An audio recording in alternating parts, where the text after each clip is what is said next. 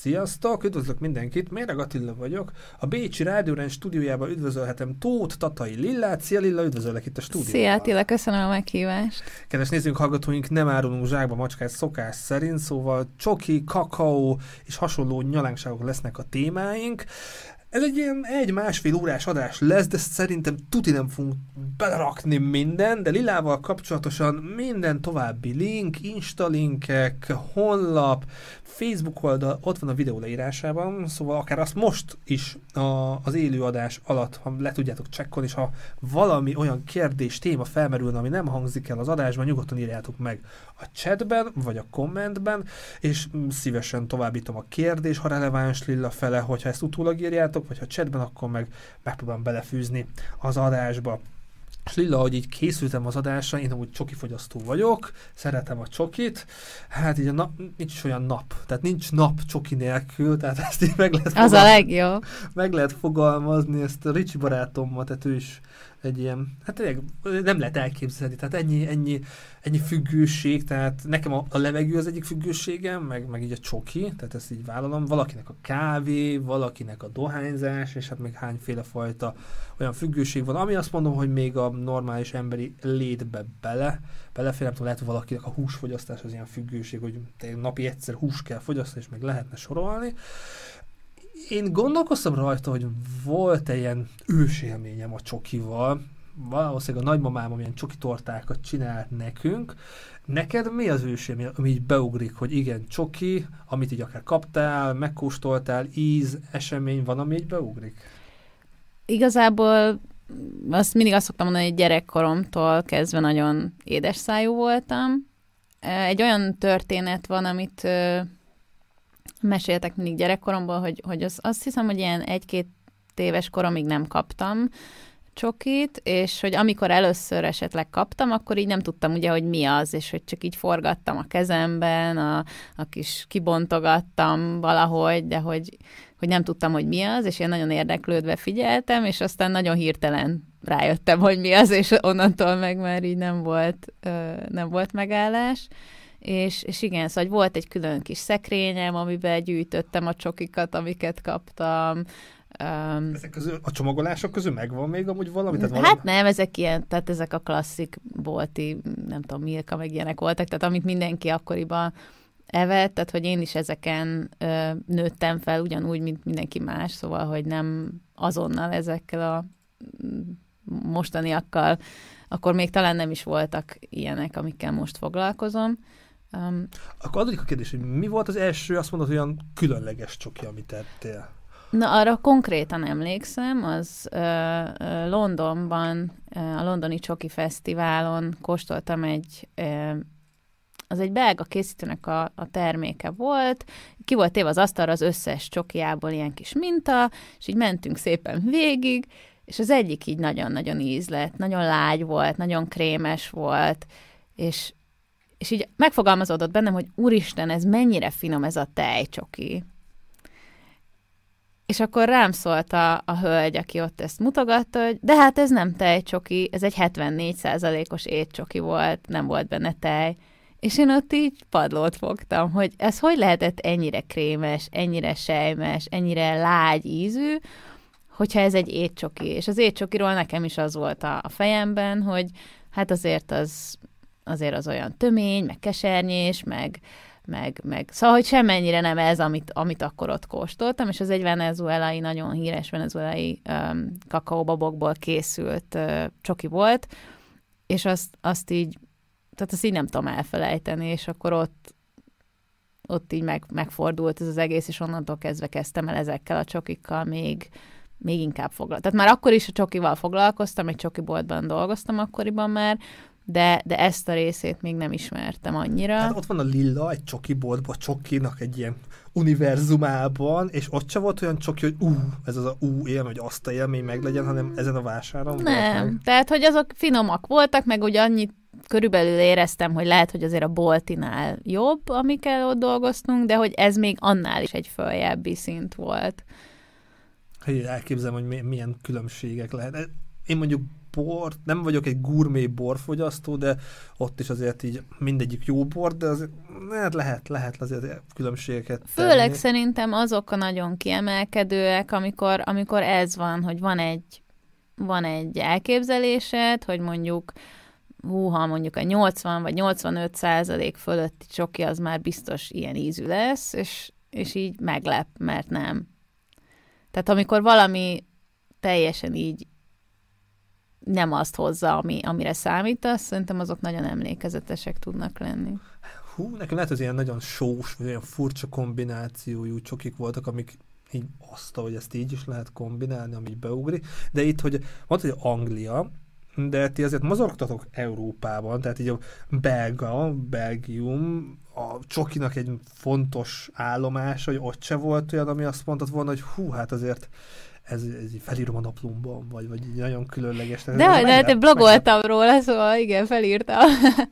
de amikor, szóval én kilenc hónapig laktunk Brüsszelben, az így az angliai létünknek a közepetáján volt egy ilyen kis kitérőnk, és ott én dolgoztam is három hónapot egy bombon készítő műhelyben, ahol... Hát, pont annak a képét mutatom, mert csak egy random beraktam, ez nem tudom melyik bolt, csoki bolt. Nem, ez az angliai boltból. Köszi szépen. Ö, ö, van egy ilyen fotó. Ez, ez egyébként nagyon érdekes volt, mert itt ö, sima bolti eladónak vettek föl első körben, de akkor azért látszódott, meg próbáltam így mondani, hogy én, én azért így a készítés is érdekel, meg voltam egy pár ilyen tanfolyamon előtte, meg ilyesmik, és ezt viszonylag könnyen ők így meg tudták tanítani, ez egy ilyen plexi keretbe kellett egy ilyen nagyon vékonyan kiteríteni a, a csokit, és utána megszórtuk mindenféle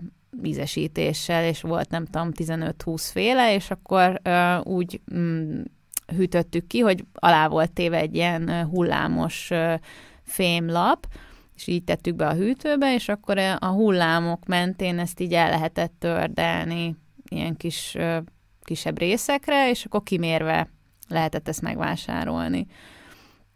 És nagyon jól nézett ki, tehát hogy a, a, ilyen kosarakban volt kitéve, és akkor lehetett látni, hogy hogy néznek ki rajta a feltétek, meg össze lehetett variálni egy csomó ízt, és akkor csak összességében lemértük, hogy az mennyi, és, és akkor így lehetett ezt megvásárolni.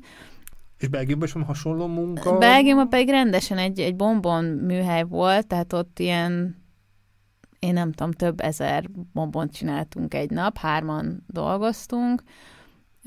Volt egy ilyen mártó sor, ami gyakorlatilag az egyik oldalon odarakod a kis kockára vágott hát ugye ezek ganás alapú, az egy ilyen tejszínes csoki krém, azt mindenhogyan ízesítettük, és akkor a kis kockákat oda felsorakoztatta, akkor a következő ember rászórta a tetejére a, nem tudom, a díszítést, és akkor a harmadik ember megdobozolta. De hát mire állítottunk odáig, hogy voltak ezek a kockák, az is egy, egy külön nap volt, tehát általában egyik nap megcsináltuk az elejét a fázisnak, és a második nap meg bevontuk a csokit. Tehát, hogy... Ez amúgy ilyen droid munka, vagy azért van benne kreativitás? Így e- ez eléggé droid volt, mert ugye itt teljesen fix ízek voltak, mit tudom én, 20-25 féle íz, és akkor csak volt egy listánk, hogy ma ezt a nyolc ízt csináljuk, holnap bevonjuk, a következő nap ezt a nyolc ízt, és bevonjuk, és nem tudom, tehát, hogy igazából ott nem volt mód arra, hogy új ízeket próbáljunk ki, vagy nem tudom, tehát hogy ilyen szempontból nem volt annyira kreatív, de az biztos, hogy nagyon sokat tanultam technikát, azt, hogy hogyan lehet a melegítő kabinból 25 kilónyi olvasztott csokoládé tartályt átvinni a másik szobába, ahol a temperálóba azt bele kellett önteni, kemény kis 50 kilómal, 160 pár centimmel, hogy ne öntsem ki az egészet, az, az egy... Na, az, ez szóval, hogy voltak kihívás. Ez akkor kemény. Volt, ennek volt nagyon sok kemény fizikai munka része is, igen. Ha, ha csak az állóképességet néz, az ember egész nap rohangál a, a vastag klumpába, de hogy tényleg szóval, hogy cipekedős is, tehát hogy ezek a csoki pasztillás mm, zsákok is ilyen 25 kilósak, és akkor azt betölteni mondjuk egy ilyen gépbe, vagy az olvasztóba. Naponta ezt csinál. De így visszagondolva, az jó, hogy kipróbált, jó, hogy ebbe is Nagyon jó, hogy, hogy ezt megtapasztaltam, mert ott döntöttem el, hogy végül is én nem szeretnék bombon készítő lenni. Nem azért, mert ez ilyen volt, mert tudom, hogy nem csak így lehet ezt csinálni, de valahogy de valahogy ott így mégis rájöttem, hogy, hogy talán mégsem az az én utam, mert eredetileg az, tehát hogy annak indult, hogy majd én is így bombonokat fogok készíteni, mert hogy ez milyen izgi, vagy menő, vagy nem tudom.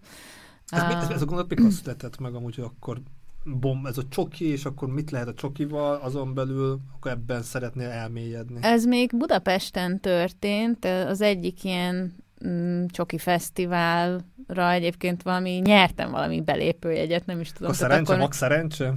Akkor még fizetős volt a, a belépés, és, és én ott láttam egy, egy cukrászt így kézzel temperálni, és akkor ott bombonokat készített a, a, pul, a standjánál, és az engem így, te, én ezt még soha nem láttam akkor ilyet, és, és így nagyon-nagyon tetszett, és megkérdeztem tőle, hogy, hogy ehhez cukrásznak kell lenni, hogy valaki bombonokat készítsen, és mondta, hogy hát a legtöbben cukrászok, de hogy nem kötelező, vagy hogy nem előírás, és hogy ő sem, például ő sem cukrász, hanem csak, csak bombonkészítő, és hogy nagyon szívesen megmutatja, vagy megtanítja, és akkor én ő hozzá elmentem egy ilyen kis workshopra, és akkor ott megmutatott minden kis trükköt, és nagyon tetszett, és akkor vettem márványlapot, meg mindenféle eszközöket, formákat, meg mi egymás, és akkor Ja, akkor az volt az ötlet, hogy akkor csinálsz egy shopot, online shopot? Á, vagy? akkor még ez ne, akkor még ez teljesen hobbi szinten volt. Igazából hát, ez hova a... nőtte ki magát? Szóval Igazából... az ilyen hobbikkal, kedves igen, nézőink, hallgatóink, hogy ki tudja, mi lesz belőle. Igen, tehát, hogy akkor még ez abszolút nem volt egy ilyen gondolat a részemről, akkor fejeztem be az egyetemet,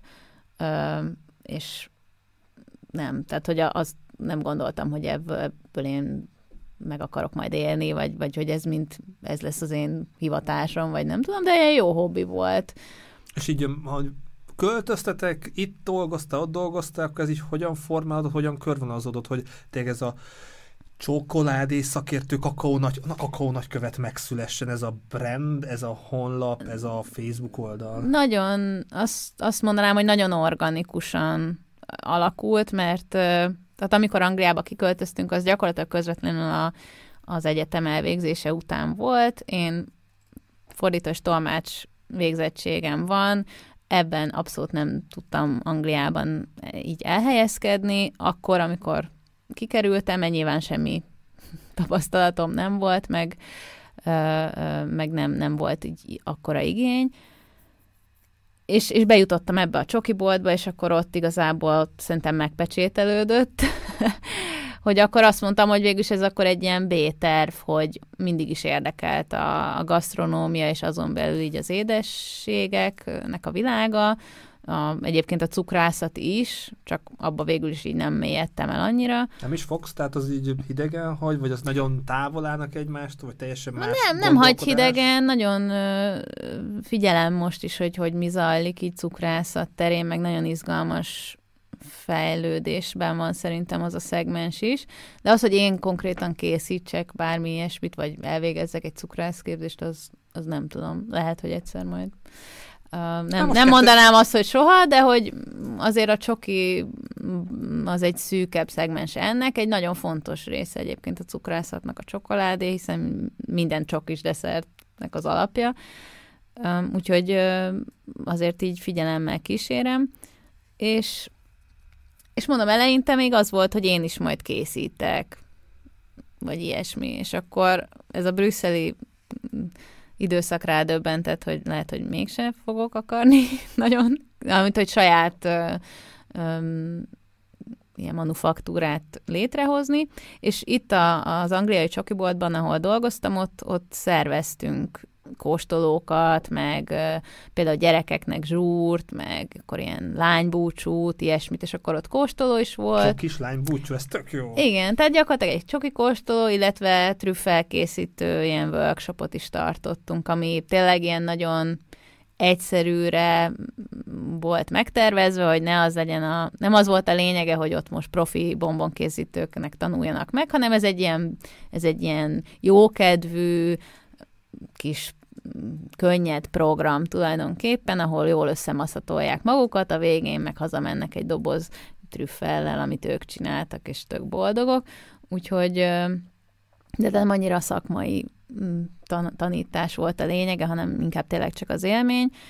És, és ott hát ugye angol nyelven voltak ezek, és eleinte csak alá dolgoztam a főnökömnek. Tehát mentem, pakoltam, kiraktam a dolgokat, összeszedtem a végén a dolgokat, stb. És mondta egyszer, hogy nem akarom-e megpróbálni, hogy én tartsam.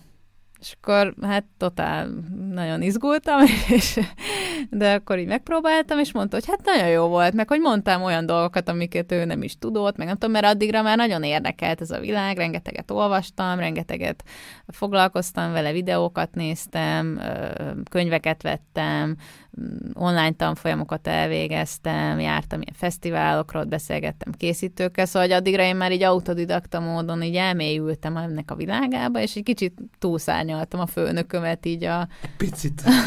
a, az aktuális mm, ismeretében ennek a, ennek a szegmensnek.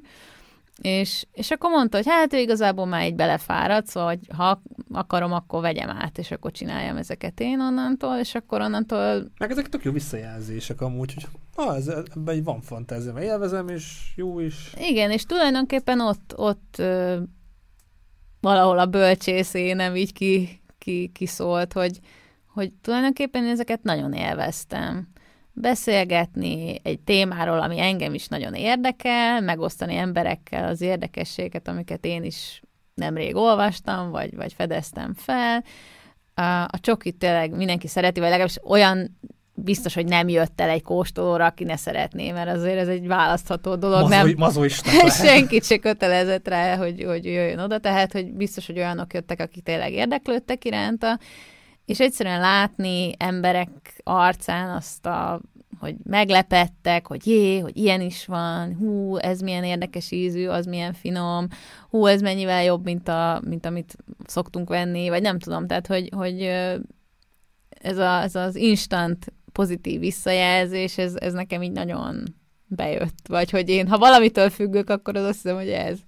Itt mehetnénk tovább egy gondolattal, hogy az online meg az offline csoki kóstolókig, de itt azért kalandoztunk országok között, mert itt sokat költöztetek, így ahogy beszéltük az adás előtt, és egy utazós csatorna, hogy a utazások vagy a költözések amúgy milyen hatással voltak, milyen benyomások értek így az országban, valamit így ki tudsz emelni ezek közül az országok közül, amik így meghatározók voltak a csokoládéhoz való viszonyodban? Hát ugye Anglia meg Belgium volt, illetve hát látogatóval voltam, a, a férjem volt két hónapot Svájcban is itt közben, és akkor, akkor ugye nyilván azért a svájci meg a belga csoki, ezek ilyen híresek, szóval, hogy ez, ezek abszolút meghatározóak voltak. Amit én ilyenkor mindig próbálok, az az, hogy minél több helye, helyre elmenni, vagy helyet felfedezni, ilyenkor mondjuk... Tehát, hogy jövő is, ha mentek valahol utazni, akkor... Hát gyakorlatilag az az első, amit a Google Maps-en így, így kikeresek, illetve hát azért szerencsére a, tehát az angliai tartózkodás alatt,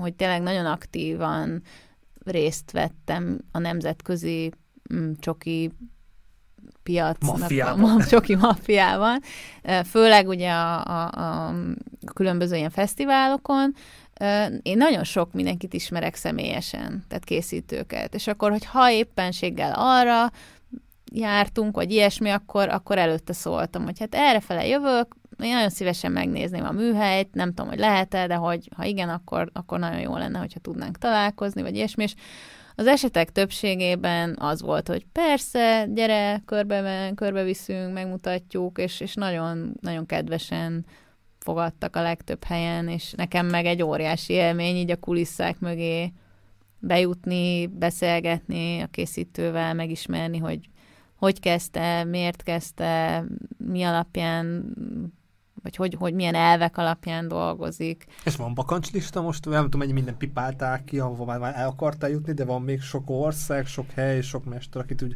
fel is fogsz keresni, vagy úgy fogtok utazni, tehát van ilyesmi terv, tervezés? Hát például nagyon érdekes a, a, a Belgium, mert uh, amikor én ott éltem, akkor ott még pont nem indultak be azok a kis manufaktúrák, akiket most nagyon jó lenne meglátogatni. Tehát vannak is, van is meghívásom pár helyre, Brüsszelben is, Brüsszben is, meg Hollandiában is van több hely, tehát hogy valahol egy kicsit sajnálom, hogy nem jókor voltam jó helyen, amikor... Murphy, a, hogy szokták mondani. Amikor, hogy... amikor ott voltunk, de igazából bárhol, tehát hogy én így nagyon...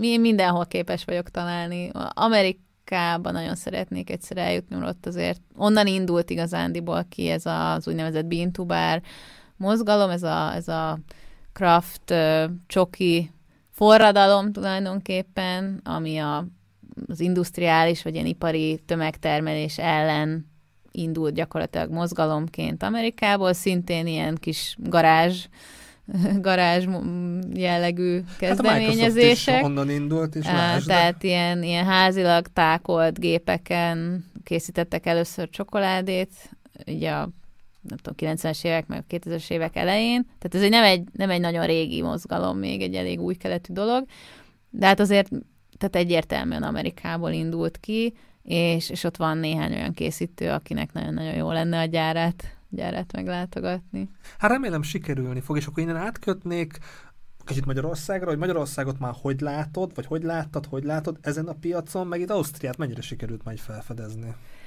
A, magyar kérdés az olyan érdekes, mert amikor elkezdtem így a csokival foglalkozni, akkor akkor egy darabig blogoltam magyarul, de közben blogoltam angolul is, meg akkor közben akkor elindultak ezek a közösségi média oldalak, Instagram, ilyesmik, az körülbelül pont akkor kezdtem, amikor Brüsszelben uh, laktunk. Kicsit több szabadidőm volt, vagy nem tudom. és és hogy soha, igazából soha nem működött, vagy soha nem sikerült maradéktalanul párhuzamosan vinni a kettőt, tehát az, hogy angolul is, meg magyarul is kommunikáljak. Amikor megpróbáltam, akkor nagyon hamar rájöttem, hogy teljesen más, hogyan kell a magyar közönséghez szólni, mert, mert hogy mint ahogy általában a trendekkel egy picit mindig le vagyunk maradva. Um, tehát, hogy nem tudom, mondjuk a, ez a specialty kávé, az most már eléggé azt lehet mondani, hogy, hogy pörög Magyarországon, de de, de a csoki még, még nem annyira. Vagy szóval, hogy nagyon kevesen ismerik ezeket. Piaci rés. Szóval valaki hallgat, be akar törni, akkor, vagy most már azért kezd telítődni, egyre több Jelenleg, hát hivatalosan négy, mm, és készülőben van egy pár mm, manufaktúra, akik elkezdtek így. Tehát ez a bintubár csokoládékészítés ugye azt jelenti, hogy nem egy ilyen zsák csokipasztillát vásárolnak, és a kész csokoládét felolvasztják, és azt ízesítik, hanem ők kakaóbabot vásárolnak nyersen, és azt ők maguk pörkölik, finomítják. Hoztam is neked kis ropogós kakaó, kakaóbabot. Ugye ezt így lehántolják, tehát a héját leszedik, és akkor ledarálják, és akkor hozzáadnak cukrot, tejcsoki, akkor tejport, és, és így készítik el a saját receptúra alapján a saját alapcsokoládéjukat, és aztán ebből tudnak táblákat, bombonokat, ízesített dolgokat, drazsékat készíteni, szóval ez jóval kevesebb. Tehát, hogyha valaki azt hallja, hogy kézműves csokoládé, akkor az egy elég nagy, elég tág fogalom, és ezen belül egy nagyon szűk szegmens az, aki konkrétan kakaóbabot dolgoz fel. De vannak, meg hoztam kés Van, is, igen, meg, igen. meg a YouTube csatornádon, meg a Facebook oldalon is azért vannak kerekasztal beszélgetések, szóval alakul ez a piac azért Magyarországon. Alakul is. abszolút, de hogy azt nem mondanám, hogy most, ha valaki el akar kezdeni, akkor ne tegye el, mert már nagyon telített. Tehát, hogy pont, hogy inkább minél többen elkezdenének kakaóbabot feldolgozni, és bintubárcsokit készíteni, annál több emberhez el tudna ez jutni. Szóval, hogy igazából üdvözölve van bárki, aki erre, erre, erre adná a fejét, bár nem egy egyszerű, nem egy egyszerű történet, meg, meg nem is a legprofitábilisabb biznisz. Jó, ne vegyük el a, a, a hasonló, hasonszőrű csoki kedvelőknek, és Ausztriát így mennyire sikerült felfedezni, milyen benyomások voltak, hogy látod így az évek alatt, mert hár, három éve? Hát most már négy, négy, négy de és persze, tehát itt Ausztriában is van egyébként ilyen, vannak ilyen uh, márkák, uh, nem tudom, hogy lehet-e mondani. Jó, mindent lehet. Márkák. De ugye nyilván, aki, tehát aki te, az biztos a Zotterrel már találkozott, tehát ők a legnagyobbak, meg ők egyébként világszinten is nagyon ismertek, és szerintem fantasztikus az egész nem is tudom, tehát nem is a maga a brand, hanem az egész koncepció, ahogy demokratizálják úgymond ezt a nagyon jó minőségű, nagyon etikusan elkészített csokoládét, hogy észre sem veszed, mert nagyon finom, nagyon funky ízeik vannak, van ez a látogatóközpont, ahol elmehetsz, és mint a Willy Wonka, így mindent meg lehet kóstolni, és így, így, így nem tudom, kijössz, és így kiszédülsz gyakorlatilag, mert, mert annyi, annyi csokit megkóstoltál, és észre sem veszed közben, hogy, hogy alakítják az ízlésvilágodat, és, és már lehet, hogy ezek után megkóstolsz egy bármilyen bolti tömegterméket, akkor, akkor előbb-utóbb észre fogod venni, hogy jé, hogy ez most már nagyon édes, vagy, vagy nagyon összeragadt a szám, vagy, vagy nem tudom. Tehát, hogy nem, nem úgy próbál meg edukálni, hogy, hogy szájbarágós, meg elmagyarázza, meg ilyen nagyon tudományos vagy szakmai, hanem, hanem egyszerűen csak vicces, finom, színes, és, és észre se veszed, hogy, hogy, hogy átálltál egy sokkal jobb minőségű termékre. Szóval, hogy ezt, ezt szerintem ők nagyon jól csinálják. Ja, hát még említsünk meg, itt élünk, ez sok a itt élő magyarnak érdekes lehet, hogy milyen csokikat említ, vagy milyen márkákat, vagy akár a, a Mozart Kugelhez neked mi a véleménye, tönkre fog menni, létezni fog, akár ez a kérdés. Biztos, hogy amíg van rá kereslet, addig, addig, addig lesz. Az érdekes, hogy mondjuk még én nem találkoztam ennek ilyen úgymond jobb minőségű verziójával. Tehát az, az biztos, hogy amit gyártanak, az, az ugyanilyen tömegcsokival készül, hogy ennek így nem, nem lett egy ilyen craft verziója még. Nem, nem találkoztam még vele. De ki tudja, lehet, valaki hallgatja. De nem tudom, most azzal mi van, hogy hogy mentek tönkre, mi vásárolják, milyen cégpolitikát változtatnak. Hát meglátjuk. De hát fontos, fontos turisztikai, meg, meg brand termék Ausztriának, szóval csak nem hagyják, hogy ez így eltűnjön, vagy tönkre menjen. Biztos, nem tudom. Annyira nem ástam bele magam még a Mozart Google-nek a témájába, de... És akkor visszakanyarodva ahhoz, hogy hogyan ismerkedtél meg a csokival, meg most látják a nézők az egyik ilyen csoki kóstolót, hogy itt, ahogy olvastam a honlapodon, hogy van online csoki kóstoló, hogy nem tudom, hogy borban, meg kajában, gasztróban vannak ilyen online, online csoki kóstolók, ezek úgy mit jelentek, mennyire működnek, és, és offline, tehát élőben ezek hogy néznek ki? Hát nyilván ugye a, a, a standard megoldás az, az ez, ami, ami, ami képen is van, tehát hogy összejövünk egy helyre, egy asztal köré, és akkor én ott körbeadom, és magyarázok, és... Te meg, vagy a díler. Meg, én vagyok a csoki díler, igen. Um, tehát ez a, ez a legoptimálisabb formája, de ugye e, részben amiatt, hogy ugye én nem Magyarországon élek, um, viszonylag gyakran járok egyébként Budapestre, de ez is egyébként Budapesten volt egy kávézóban, de hogy hogy így alternatívának, meg külföldi ötletekből inspirálódva gondoltam egyet, és főleg aztán ugye a Covid, mikor beütött, akkor meg nagyon jól jött, hogy, hogy lehet ilyet, hogy online, és ezt meg szoktam kapni a kérdést, hogy hogy, hogy a fenébe lehet online csokit kóstolni. Bocs, hogy ilyen tipikus vagyok, de na hát Nem, azon... nem, tehát hogy ezt nem csak te, ezt nagyon sok ember megkérdezi, mert nem, először így nem gondolnak bele, hogy hát hogy az nem úgy van, hogy én mutogatom a képernyőn a csokit, és, és akkor ők meg ülnek otthon, és nem tudom, nyalogatják a képernyőt, vagy nem tudom, hanem hogy nyilván ez úgy történik, hogy, hogy kiküldjük a csokit előre, és akkor reméljük, hogy nem eszi meg, míg, míg találkozunk, és akkor Zoomon keresztül egy Zoom meeting van tulajdonképpen, ahol ugyanígy, mintha élőben ott lennénk egy, egy teremben, én mondom, hogy most melyik csoki következik, arról mit kell tudni, hogyan kóstoljuk meg. Tehát ugyanúgy mindent elmondok, mint ahogyha élőben lennénk, hát ennyi, hogy hogy, hogy nem, nem vagyunk fizikailag egy, egy helyen, de hogy gyakorlatilag az egész teljesen ugyanúgy, ugyanúgy zajlik. Szerintem egy nagyon jó opció, én mindenképpen most az, ebben az évben nem tartottam, máson volt a hangsúly, vagy máson volt a fókusz, de mindenképpen szeretném visszahozni, mert nem mindenki tud eljönni Budapestre, az ország bármely táján élhetnek, vagy akár külföldön, tehát volt olyan, hogy egy baráti társaság megkért, hogy tartsak nekik, tehát ilyen, ilyen, ilyen is van, hogy nem az van, hogy én mondom, hogy ez a dátumban lehet jönni online csokit kóstolni, hanem megkeresnek, hogy szeretnénk uh, egy, egy, egy saját csoki kóstolót, azért egy ilyen 4-5-6 ember, ha összejön, az már nagyon jól tud működni, de online esetében gyakorlatilag nincs is nagyon számszeri határa ennek, tehát hogy akárhányan be tudnak csatlakozni, vagy, vagy lehet az, hogy egy képernyő, de odaül mondjuk egy egész család.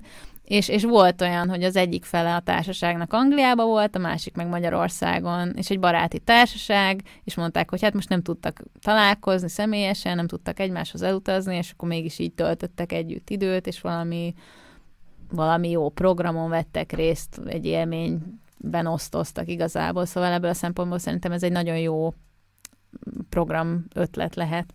Meg hát nagyon jól fel lehet készülni az ilyen online vagy offline csoki kóstolásokra is, mert igen, aktív vagy, tehát most a nézők látják a korábbi podcast adásokat, tehát most 18 van fent így a, az agyrák kakaót, meg még interjúk is vannak fent, szóval ha valaki egyre jobban el akar mélyülni, és kérdések akarna bombázni személyesen vagy online, és akkor maradjunk itt a agyrák kakaónál, hogy az agyrák kakaót, uh, mindjárt mondom, mikor volt az első, az két éve, harmadik hó 15-én indítottad el, akkor volt az első ilyen podcast, mi volt így a, a fő koncepció, hogy ezzel induljon, meg hát gratulálok, hogy ez sok jó téma van, és majd egy-kettő témát ki fogok ezek közül majd emelni.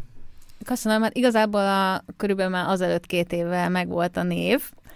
Egyszer így kipattant a fejemből ez, hogy adj rá kakaót, hogy ez így milyen jó szójáték a kakaóra, meg arra, hogy ez egy, ez egy podcast ötlet volt eredetileg. És, és aztán valahogy így a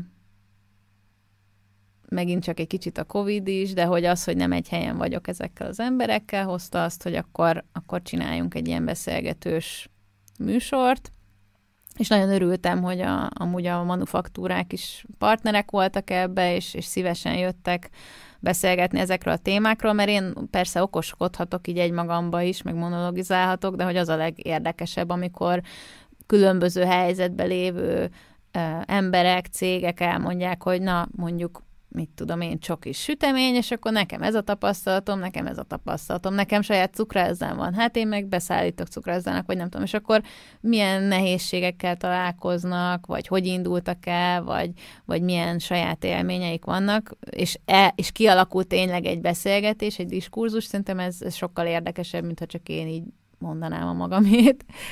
Uh, úgyhogy igazából így, így indult, és, és én számomra is hihetetlen, hogy, hogy megy a dolog. Hát sok téma van, uh, tehát azért igen. mint kifogyhatatlan lenne mondhatni. Igen, igen, igen. Most ugye, uh, hát ma, ma lesz egyébként ma este a, a 19. rész, uh, aztán nyári szünetre uh, megyünk, ilyenkor nyáron nem szoktuk tartani, hanem hogy próbálom a, a, a csoki szezonalitásához alakítani, mint hogy az is ugye inkább ez a szeptembertől április-májusig tart maga a csoki szezon, a nyári szezon az inkább egy ilyen pihenő időszak, vagy hát nyilván olvad a csoki, szóval akkor inkább mondjuk csoki fagyi, vagy ilyesmi. Tehát lehetne amúgy miről beszélgetni, de volt is csoki fagyival kapcsolatos adás tavaly nyáron, úgyhogy de nem kevésbé elérhetőek nyilván az emberek is, úgyhogy, úgyhogy ilyenkor azt...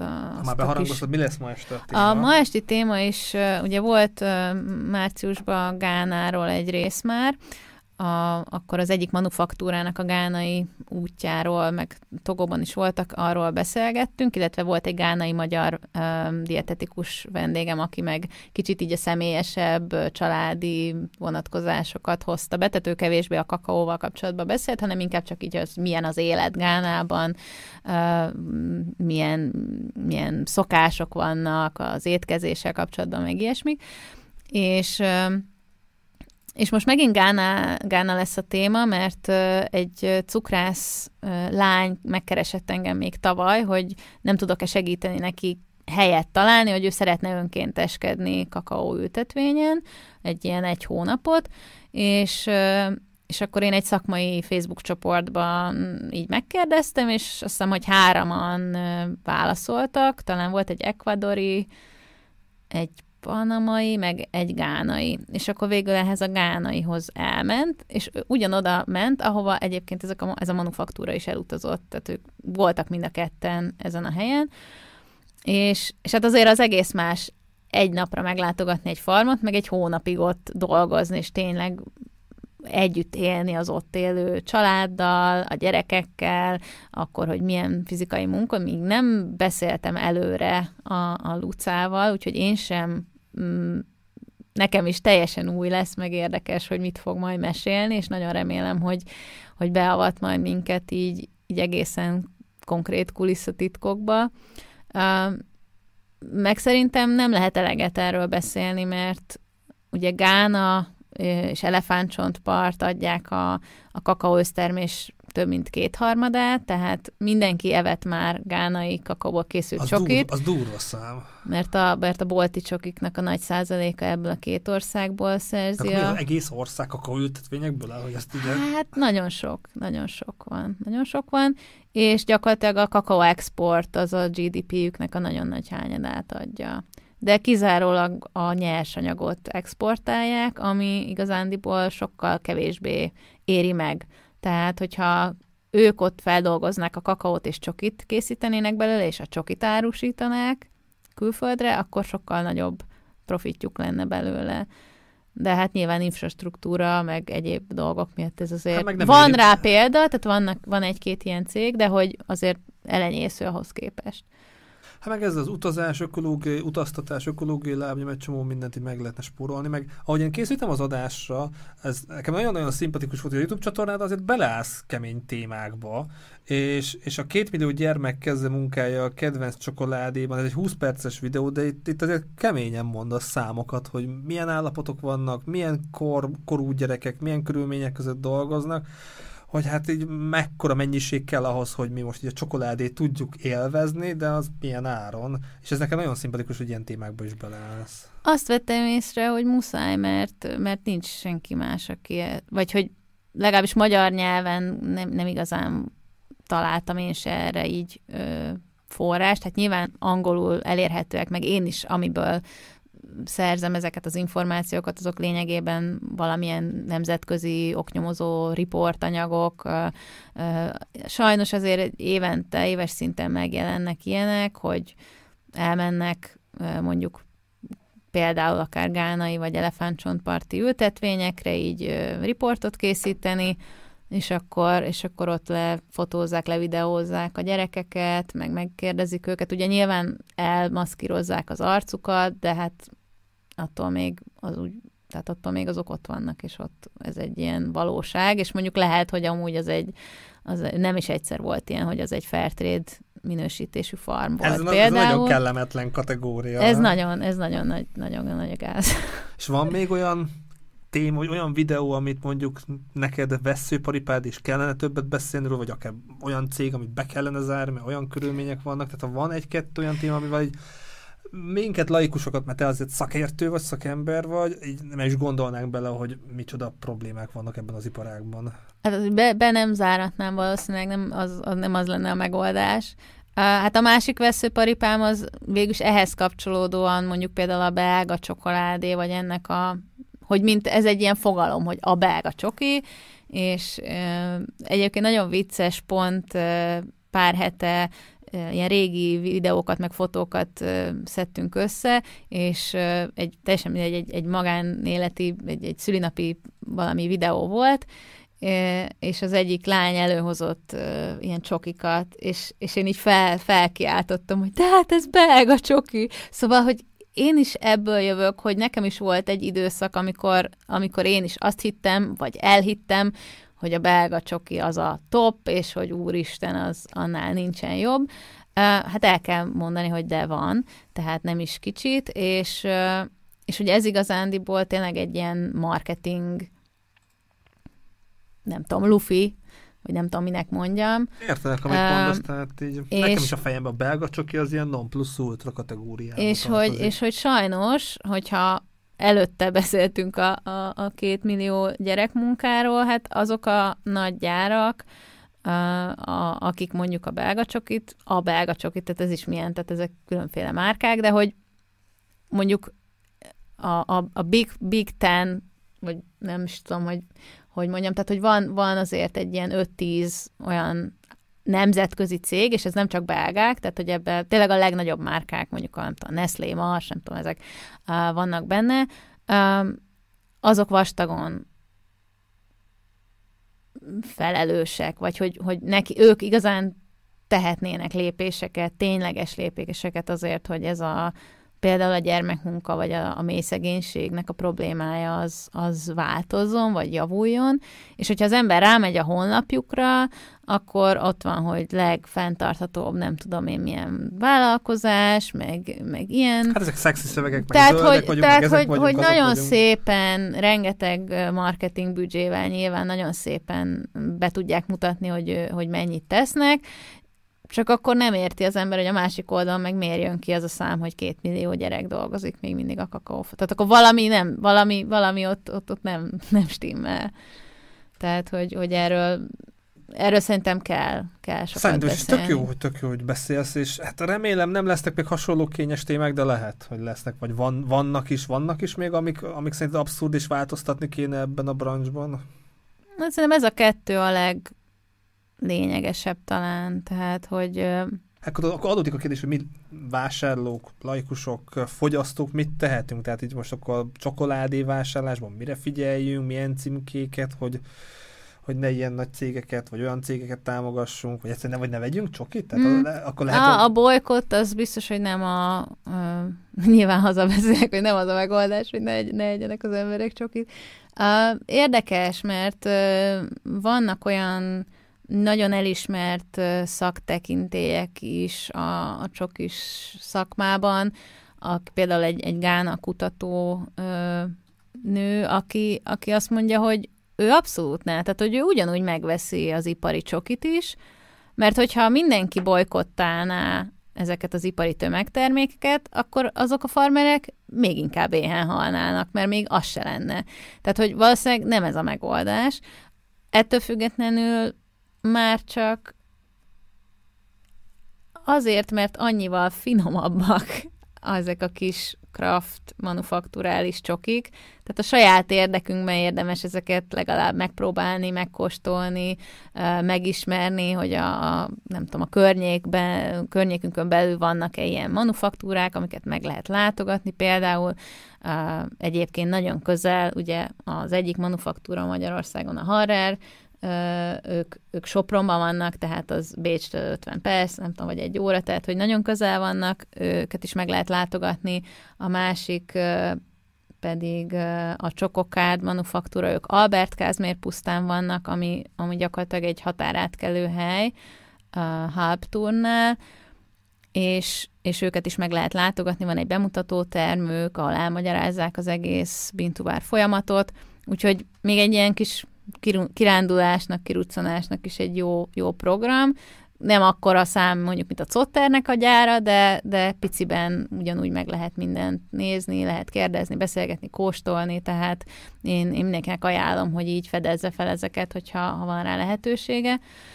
Um, Szóval a bolykott az valószínűleg nem a megoldás, valahogy el kellene érni, hogy, hogy ezek a nagyobb gyárak tényleges lépéseket tegyenek. Hát most mondjuk vannak azért az EU nak vannak olyan új szabályozásai, hogy ugye már teljesen transzparensen kell majd a beszerzésükről beszámolni, tehát hogy pontosan honnan érkezik a kakaó, ez nyilván valamennyit majd fog segíteni abban, hogy, hogy jobban lássuk, hogy pontosan mi a helyzet a Te optimista vagy amúgy? Tehát, hogy amióta csokival foglalkozol, meg az elmúlt tíz évben mondjuk sok minden változott fejekben, greenwashing, mi egymás, hogy így, ezek így beszivárognak, meg lehet optimistának lenni, meg ezek pozitív irányú változások történhetnek?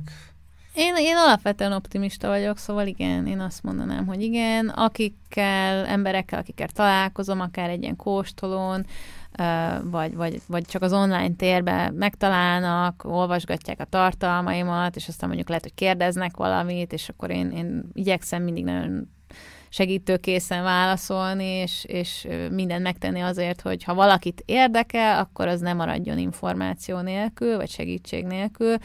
Általában nagyon pozitív a visszajelzés, nagyon hálásak, és, és nem egy embertől kaptam már meg azt visszajelzést később, tehát mondjuk a kóstolót követő, nem tudom, hetekben, hónapokban, hogy hát azért azóta már sokkal kevesebb bolti csokit veszek, inkább várok, veszek ezektől a manufaktúráktól, és tényleg nem fogy el annyi, nincs miatt a bűntudatom, mert nem, nem, nem tudom, nem eszek meg egy tálát egy ültőhelyemben, és mennyivel finomabb tényleg, meg már ezt vettem ajándékba, már megfertőztem vele a családomat, már nem tudom, tehát hogy így továbbadják az emberek, szóval én azt hiszem, hogy, hogy, hogy valamelyest egy kicsit tudatosabb fogyasztás az mindenképpen elindult már Magyarországon is.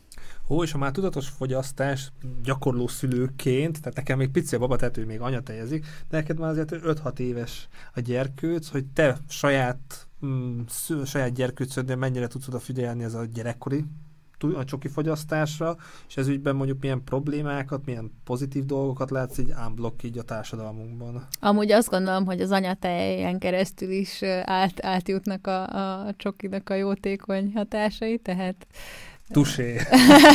A feleségem nem nagyon fogyaszt. Vagy, a, vagy, a, vagy már az anyam éve. Nekem, engem ijesztgettek annó, tehát amikor terhes voltam a kisfiammal, akkor, és az egyik ilyen csoki fesztiválon már ilyen pocakkal, meg minden mentem, és akkor mondta az egyik, egyik ilyen készítő, hogy hát, hogy vigyázzak, vigyázzak, mert hogy, mert hogy amilyen csokit eszem, amikor terhes vagyok, azt, azt nagyon fogja utálni a gyerek mert hogy a, az, nem tudom, ő, amikor az anyja terhes volt vele, akkor ő mindig Ez ezt... ilyen brit tudósok szerint. Egyébként egy brit készítő volt, igen, hogy, hogy ő, amit az anyja evett, ő azt ki nem állhatja, nem tudom, nem a csokit, hanem valamilyen ételre mondta. És akkor mondtam, hogy hát remélem, hogy, hogy, hogy nem így lesz, hanem fordítva.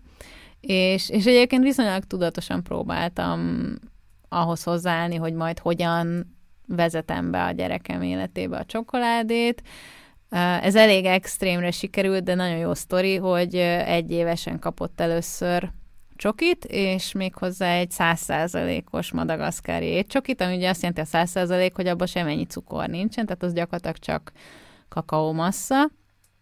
Amitől azért a legtöbb ember így visszajog. Ja, kakaó teszik a feleségem, tényleg a reggeli zapkásájában. Az az egyik legjobb ö, ö, adalék egyébként, mert nagyon tényleg ad egy ilyen jó kis energiabúszot, de nem, nem úgy, mint a kávé. Szóval, hogy viszonylag egy extrém választás, hogy miért ilyet ad az ember gyerekének először csokit, de ugye a, a gyerekeknek még sokkal egyrészt érzékenyebb az ízlelésük, meg meg mindent még ők tanulnak. Tehát azt, hogy valami rossz ízű, vagy keserű, vagy, vagy, vagy, vagy büdös, azt, ezek tanult dolgok. És, és hogyha a legédesebb, nem tudom, ilyen fehér csokival, meg turórudé, nem tudom, ilyen édességekkel kezdjük el a gyereket az édességekre kell megismertetni, akkor persze, hogy utána már egy, egy nulla cukortartalmú, vagy egy akár csak egy nagyon, nagyon magas kakaótartalmú étcsoki nem fog annyira tetszeni, mert nyilván az édes íz, a, így akár az anyatej kapcsán is szokták mondani, hogy, hogy az ember alapvetően az édes ízre van kalibrálva, vagy hogy azt nagyon szeretjük, azt keressük.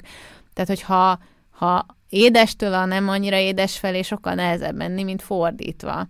Tehát én, én tudatosan egy cukormentes, de nem édesítőszeres, hanem hogy csak egyszerűen nincs benne cukor. Egy ilyen csokit mutattam először a, a kisfiamnak, és egyébként nagyon viccesen reagáltam, mert így egy egész ilyen táblát így a kezébe nyomtunk, mert hogy úgy tudtuk, hogy nem eszi meg, hanem csak így nyalogatta, meg így szopogatta, meg így nézegette, meg így nem értette, hogy mi.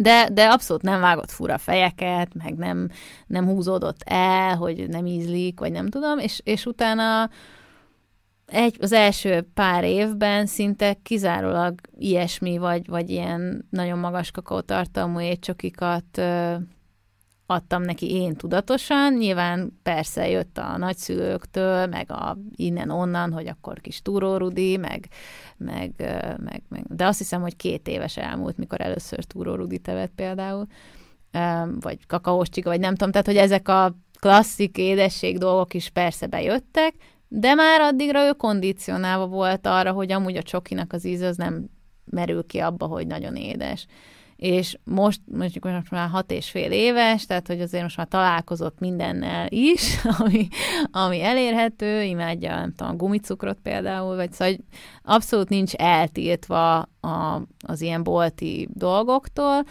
és nagyon, mindig nagyon örül, amikor mondjuk van egy szülinapi zsúr, és akkor kapnak ilyen kis kis tasakba, ilyen kis apróságokat, cukorkát, minden, és akkor nagy becsben hazahozza, mutogatja, nézegeti, és aztán így napi egyet eszik meg belőle, és, és így ilyen nagy kupac van már ott az asztalán, mert, mert, mert amúgy nem az van, hogy föltépi, és akkor megeszi az egész zacskóval, hanem így tökre beosztja, meg, meg nagyon sokszor előfordult, hogy, hogy mondjuk azt mondta, hogy ó, hát anya, a te csokid az én csokim az ugye bármi, amit én árulok, vagy veszek, vagy nem tudom, tehát nem én csinálom ezeket, uh, hogy anya, a te csokid az, az, az finomabb, vagy, vagy mondjuk a csokokárt ő hozzájuk már csak annak okán is, hogy ugye ők a hegyes halmi átkelő alatti határátkelőn vannak, szóval pro tip, ha valakinek hegyes halomnál nagy a dugó, akkor érdemes lemenni. Egyel délebre, a mosonszolnok felé, és akkor ott át lehet menni általában gond nélkül, Albert Kázmér pusztánál, és mi egyébként akkor így beszoktunk nézni a csokokárthoz, és, és szóval az ő csokiait nagyon jól ismeri a, a kisfiam is, és akkor mindig mondja, hogy az izáék csokia azért az, az a top. Tehát, hogy megeszi az összes többit is, meg, meg van, amikor ott van, van izáék csokia, meg más csoki, meg, meg az ő ilyen kis bolti dolgai, és akkor azt választja, nem az izáékét, de hogy valahogy mégis azt érzem, hogy így tudja, hogy ezek más kategóriába tartoznak, vagy hogy, hogy nem véletlenül ennyivel finomabbak, vagy nem tudom, szerint én, én, én bízom benne, hogy, hogy azzal, hogy nincs tiltva, de közben meg van mutatva neki a, a, a minőségi alternatíva, ez, ezzel egy nagyon jó úton van szerintem, hogy... Itt terelgetitek, és, és így maga társadalmi szinten, akár ilyen cikkekben, lesújtó statisztikák, vagy, vagy akár közeltávoli példákat látsz, ahol mondjuk nagyon megszaladnak, elhalmozzák, minden nap ilyen-olyan-olyan csoki és társai? Ezt gyakorlatilag így látom a mindennapi mindennapi életünkbe. Tehát, hogy elhozom a gyereket az oviból, és tudom, van ott a sarkon egy billa, és így, így fordulnak ki csapatostul a gyerekek az energiaitallal, a chipses zacskóval, a gumicukorral, a táblamilkával, nem tudom, szülők sehol, vagy felnőtt sehol, tehát hogy nekem ez így nagyon demorál. Én kicsit izgulok, hogy majd a, az iskolai környezetben már lehet, hogy fog találkozni tehát, hogy rengeteg gyereknek ezeket megengedik, vagy akár még alapból a szülőnek is az az opciója, hogy ilyeneket vesz, hogy lenyugtassa, vagy hogy csöndbe maradjon a gyerek, vagy nem tudom, tehát hogy mi például... Ajándékozás, és jó, ki ma ügyes voltál, ezt igen, csinálta, azt de, csinálta. de például tehát kifejezetten az ilyen nevelési, mm, nem tudom, nem célzattal, de hogy mondjuk ez a ha jó lesz, ha ez az, akkor kapsz csokit, csak maradj már csöndbe, vagy nem, tehát, hogy az például egy, egy tudatos döntés volt a részünkről, hogy soha semmilyen formában a, a csoki az nem lesz egy ilyen alkú, alkú alap, vagy egy ilyen zsarolási mm, nem tudom, elem. Tehát, hogy nálunk ez nem, mi ebben nem mentünk bele, és örülök, hogy eddig sikerült is tartani mert abszolút nem értek vele egyet, meg mm, dietetikusokkal, meg ilyen táplálkozási tanácsadókkal is beszéltem, van is ugye egy adás, amiben, amiben egy táplálkozási, taná, táplálkozási szakértő ö, beszél arról, ő kifejezetten mm, hozzátáplálással, meg a gyerekek, hogy miért lesznek válogatósak a gyerekek, ezzel kapcsolatban ezzel foglalkozik és, és ő is abszolút, tehát hogy nagyon egyetértek azzal, amit ő is mond, hogy azzal, hogy az ember megtiltja, meg ilyen, ilyen teljesen irreleváns dolgokhoz köti, hogy mondjuk most összerakodott-e a szobájába, ez, ezzel, ezzel semmi jót nem, nem tudunk tenni, és hogy igenis egy, egy kiegyensúlyozott étkezésnek simán lehet a része az édesség, a csoki, uh, nyilván mértékkel, meg, meg hogy a kiegyensúlyozottságot nyilván az adja, hogy van mellette rengeteg egészséges zöldség, gyümölcs, stb. normális ételek, tehát nem, nem ilyen nagyon feldolgozott élelmiszerek nyilván. Akkor egy mi a konklúzió a tudatos csokoládé fogyasztása, hogy naponta egy jó minőségű csokoládét, még a, a fogorvos, még a dietetikus is ajánl. Egyébként igen, hát amit mondjuk ilyen bármilyen átlag, nem tudom, cikkekből az ember olvas, az az, az hogy ugye az étcsokoládé az, az jobb, mint a mondjuk a tej vagy a fehér csokoládé, ennek nyilván az az alapja, hogy azokba, abba kevesebb a cukor. Tehát ugye igazándiból a csokoládénál a, a legnagyobb mumus az, az a cukor, az nem maga a kakaó. Én azért is próbálok az ellen harcolni, hogy a csoki az ne legyen egy ilyen gyűjtőszó minden édességre, mert, mert ezt látom, hogy hajlamosak az emberek a túró rudit is a csoki kategóriába sorolni, pedig az inkább egy desszert, ami egyébként van egy kakaós étbevonó massza, ami csak nem is csoki, tehát, hogy, hogy nem mossuk össze ezeket a fogalmakat, mert azért egész más egy túrórudi, meg egész más egy, nem tudom, egy 70%-os étcsokoládé. És, és igen, lehet abszolút része a mindennapi mindennapi táplálkozásnak. Nyilván megvan a, meg lehet a helye, meg az ideje, nem mindegy, hogy előtte, utána mit fogyasztunk, meg hogy mennyit fogyasztunk belőle, és, és jó, hogyha ha tudjuk, hogy mi van benne, tehát elolvasni a hozzávalók listáját, és az minél rövidebb legyen, annál jobb, minél kevesebb adalékanyag, minél több információ arról, hogy hogyan készült, honnan származnak a kakaóbabok, milyen a pörkölés, és igazándiból tényleg hagyni, hogy ez egy élmény legyen, tehát hogy ne arra fókuszáljunk, hogy most egy ültőhelyünkben meg fogunk enni egy tábla csokit, és igazából észre se vesszük, hanem hogy, hanem hogy tényleg legyen ez egy úgymond mindful élmény, hogy, hogy, hogy, hogy tényleg megfigyeljük, ahogy elolvad, milyen ízek jönnek ki belőle, mit juttat eszünkbe, megadni a módját, úgymond.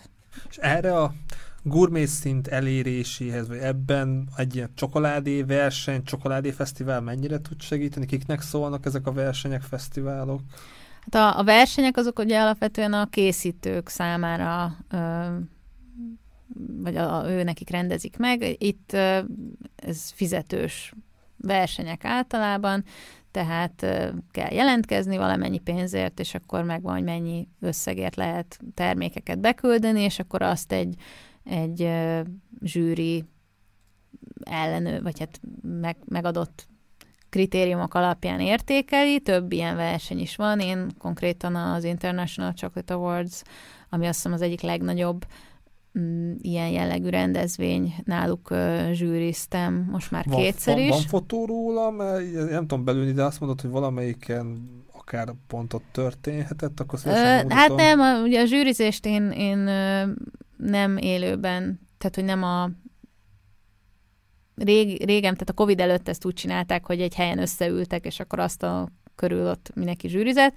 Én a Covid idején kezdtem el zsűrizni, és akkor így házhoz kiküldték. És mivel nagyon komoly titoktartási, meg, meg tehát, hogy nem lehet megmutatni, nem lehet a, tehát nem is nagyon posztoltam effektíve róla, mert, mert nem lehet szinte semmit megmutatni belőle, tehát nem mutathatom meg a csokikat. nem igazán. Érdekes. Nem igazán. Tehát, hogy ö, aminek mindenféle indokai vannak, hogy aki beküldött csokit, de nem nyert, az, az a, annak, ne, tudj, annak ne legyen rossz, ö, nem tudom, rossz hírneve miatt, vagy hogy hány jelentkezőből végül hány nyertes lett, szóval ilyeneket így nem lehet kiadni, megmondom emiatt azt sem, hogy pontosan mik voltak az adott csokik. Szoktam egyébként róla így sztorizgatni, meg, meg, meg szeretnék is majd róla még posztolni, mert elég sok szerintem tévhit is ter, terjeng, hogy, hogy zajlanak ezek, vagy tényleg mennyire mm, pártatlan a zsűri, mert hallottam olyat is, hogy mondjuk volt olyan bombonkészítő, aki, aki mondta, hogy hát, nem tudom, ilyen, ilyen ízesítésű bombonnal nem is érdemes nevezni, mert az egyik zsűritag utálja azt a fűszert, és akkor biztos, hogy nagyon lepontozza, és hogy például amióta zsűrizek, azóta tudom, hogy ez teljességgel irreleváns, mert persze, hát ez egy nagyon szubjektív dolog, én is mondjuk, nem tudom, utálom a koriandert, Hú, ez most coming out Bocsánat, igen. Én nem, nem, nem a szagát se bírom. É, és például, ezt most el lehet mondani, mert végül is nyertek vele, a Harrer tavaly beküldött egy korianderes ö, bombont, amit én éppen pont zsűriztem is egyébként, ö, és én arra nem tudtam, tehát hogy egyszerűen nem lehet magas pontot, de a kritériumok alapján, amit, tehát nem pontokat kell adni, hanem, hanem szöveges értékelés, amiből a rendszer számít egy pontot. És, és nagyon alacsony pont jött ki, és ma, nagyon bűntudatom is volt, mert tudtam, hogy ez az ő bombonjuk, de egyszerűen nem, tehát hogy nem lehet nem lehet, nem, nem tudtam beírni, hogy nagyon ízlet, de például ott vannak olyan opciók, ahol azt mondhatom, hogy ismerem -e ezt az adott tízesítést, vagy mennyire ismerem egy 1-től 5 skálán, és még egy utolsó kérdés volt, hogy szeretem-e, vagy mennyire szeretem ezt az adott ízesítést. És akkor én ott beírtam, hogy egyes, hogy semennyire, hogy gyűlölöm. És a rendszer ezt érzék... Igen, a rendszer ezt érzékeli, és kisebb súlyjal esik latba attól, hogy én beírtam, hogy én egyébként ezt nem szeretem. Tehát, de például amikor felkészítenek minket zsűrizni, akkor elmondják, hogy oké, okay, hogy szubjektív, meg hogy mondjuk mit tudom én, a fehér csokit, azt az emberek többsége nem annyira szereti, vagy hogy az a legkevésbé mm, nem tudom, kedvelt kategória például a zsűritagok körében, mert hogy nagyon édes, meg nem tudom. De hogy nem így, nem ez alapján zsűrizünk, hanem azt mondjuk, hogy fehér csoki kategóriában, tehát a maga nemében, a maga fajtájában ez egyébként egy jól elkészített termék-e, megfelele azoknak a követelményeknek, ami ennek egy fehér csok, egy jó fehér csokinak lenni kell. És az, hogy túl édes, az például nem egy, tehát hogy persze, hogy az, hát hiszen ebben rengeteg cukor van, ahhoz képest, hogy egy, egy étcsokoládé. De hogy ettől el kell tudni tekinteni, tehát aki professzionálisan zsűrizik, az, az ezzel nem szabad, hogy fennakadjon, hogy, hogy édes a fehér csak wow, tényleg. Tehát, hogy, hogy az, az, azon túl kell lépni, és, és a maga nemébe kell értékelni az adott terméket. De ilyen esetben, amit mesélek, hogy, hogy, hogy konkrét mondjuk ízesítést valaki nem szeret, azt meg tudja jelezni, és akkor ott a, a végén, amikor összesítik a pontokat, akkor ez kisebb súlya esik alatba, és tényleg egyébként, az, az, ha jól emlékszem, ezüstérmet kaptak. Egy-kettő ilyen különleges, csak itt megemlítesz, amit így megkóstoltál, hogy ne jöjjünk rá, vagy bármi, csak hogy mennyire kuriózum, vagy mennyire furcsa egy munka ez a csoki zsűrizés. Ó, egészen elképesztő dolgokat volt szerencsém kóstolni. Hál' Istennek inkább jó dolgok. Harry Potter kicsit, kicsit olyan, de, de inkább pozitív értelemben. A tavalyi évben a, de eredetileg az európai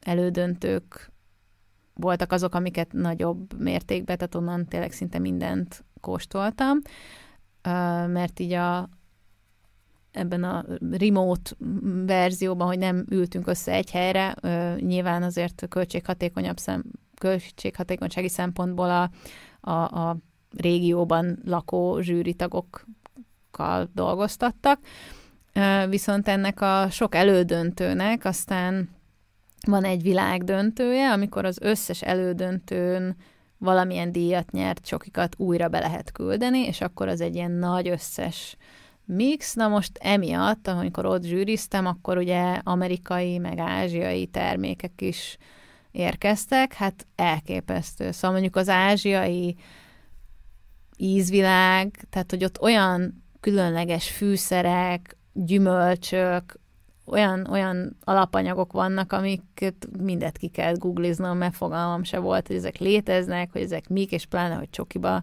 beleteszik őket, és még finom is, tehát hogy ott, ott voltak azért érdekesek. Hát egyébként, tehát hogy tényleg van, van olyan, az egy tájvani készítő, akinek konkrétan ilyen mini rákok vannak a csokjára szórva, például ilyen szárított rák, vagy különféle algák, Hát így hüledezek, de érdekes, mindenképpen érdekes, hogy...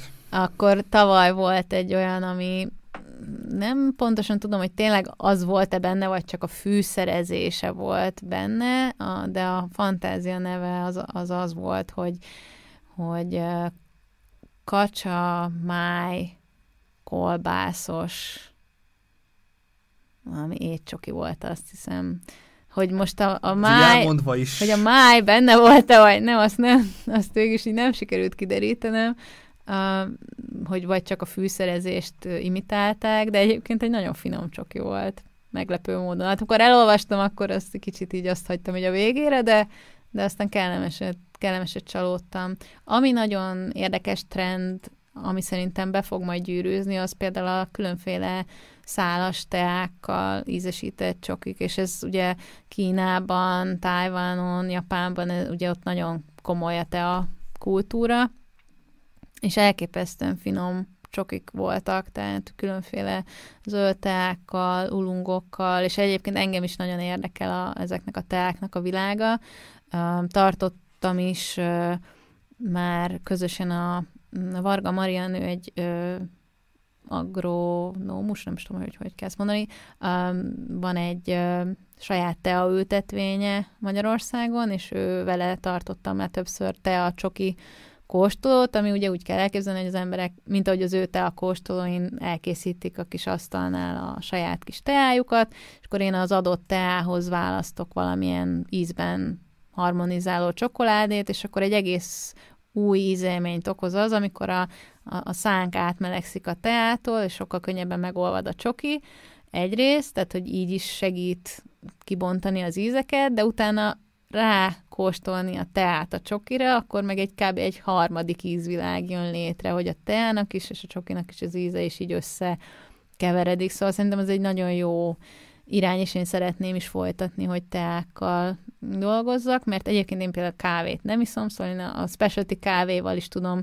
um, hogy nagyon jól lehet párosítani, vagy alkoholokkal, ugye borral, különböző párlatokkal. Itt az egyik képen, mintha gin fesztiválon lettél e, volna. Nem, ez a, ez a kávébár bazáron volt, és előtte valami gines előadás volt, és ott maradtak a háttérben, de egy, tehát egy, igen, tehát egyébként párlatokkal is, viszkivel, ginnel, rummal.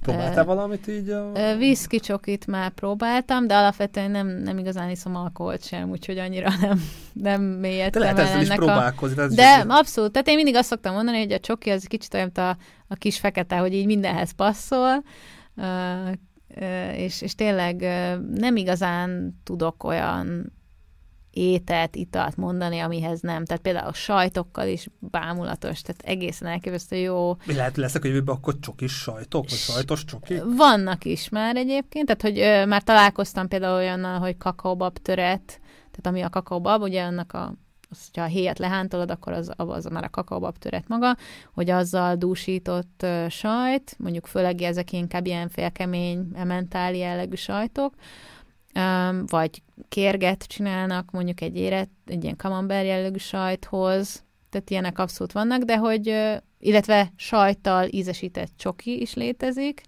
egy norvég készítőnek van egy nagyon jó, az egy ilyen magas kakaótartalmú tejcsokoládé, és egy, egy ilyen nagyon speciális norvég barna sajt. De olyan, mint a túrórúd, csak nem túró, nem sajt van benne. E, inkább egy kicsit olyan, mintha ilyen, ilyen tejkaramella darabok lennének benne. Tehát nem, nem annyira én igazán nem lehet rájönni, hogy sajt, vagy én legalábbis nem ismerem azt a sajtot, tehát nem tudom nagyon mihez viszonyítani, de, de elképesztően jó íz, íz kombinációk jött létre belőle. Szóval, hogy Nagyon izgalmas minden, mindennel lehet párosítani. Nincs. Csak ennyi mindenről beszélünk, akkor adódik a kérdés, hogy ilyen csoki fesztiválokon, akkor ezekre van is mód elmenni, próbálni ott a saját ízvilágunkat kicsit trenírozni, komfortzónából kilépni, szóval az ilyen csoki fesztiválokat így nek ajánlod? Szerintem, miért jó, miért izgalmas? Szerintem a legjobb lehetőség arra, hogy viszonylag költséghatékonyan nagyon sok mindent megkóstoljunk. Tehát, hogy ha valaki még teljesen új ezen a területen, akkor, akkor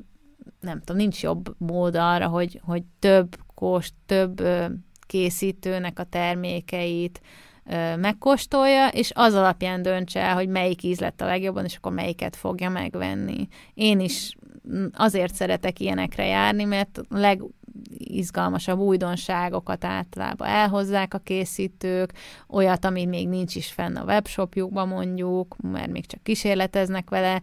Én ugye már elég sok mindenkit személyesen is ismerek, tehát előfordul az ilyen pult alatti kóstoltatás, hogy olyat mutatnak, ami amúgy egyáltalán nincs is kint, csak egy ilyen tesztfázis, és akkor, de azért ilyen kivételes emberek, vagy hát ilyen, ilyen kis protekciósoknak megmutatják. Amúgy ezek a fotók, amik mennek, ezek amúgy ilyen fesztiválokon készültek? Ez konkrétan az Amsterdami Csokoa Fesztiválon volt. Itt a csokokárdők évek óta kiállítóként is részt szoktak venni, és 2020-ban voltam én először ezen a fesztiválon, és akkor megkértek, hogy kiállítóként lehetőségük volt valamilyen előadást vagy kóstoltatást tartani, és megkérték, hogy nem tartanám-e meg én a kóstolt, mert hogy ők egyrészt ugye a standon kellett ott helytállniuk, másrészt úgy gondolták, hogy én, én így nekem jobb a beszélőként, vagy nem tudom, és akkor nagyon jól jött ki, mert a, a dominikai csokijaikról tartottam egy előadást, és a dominikai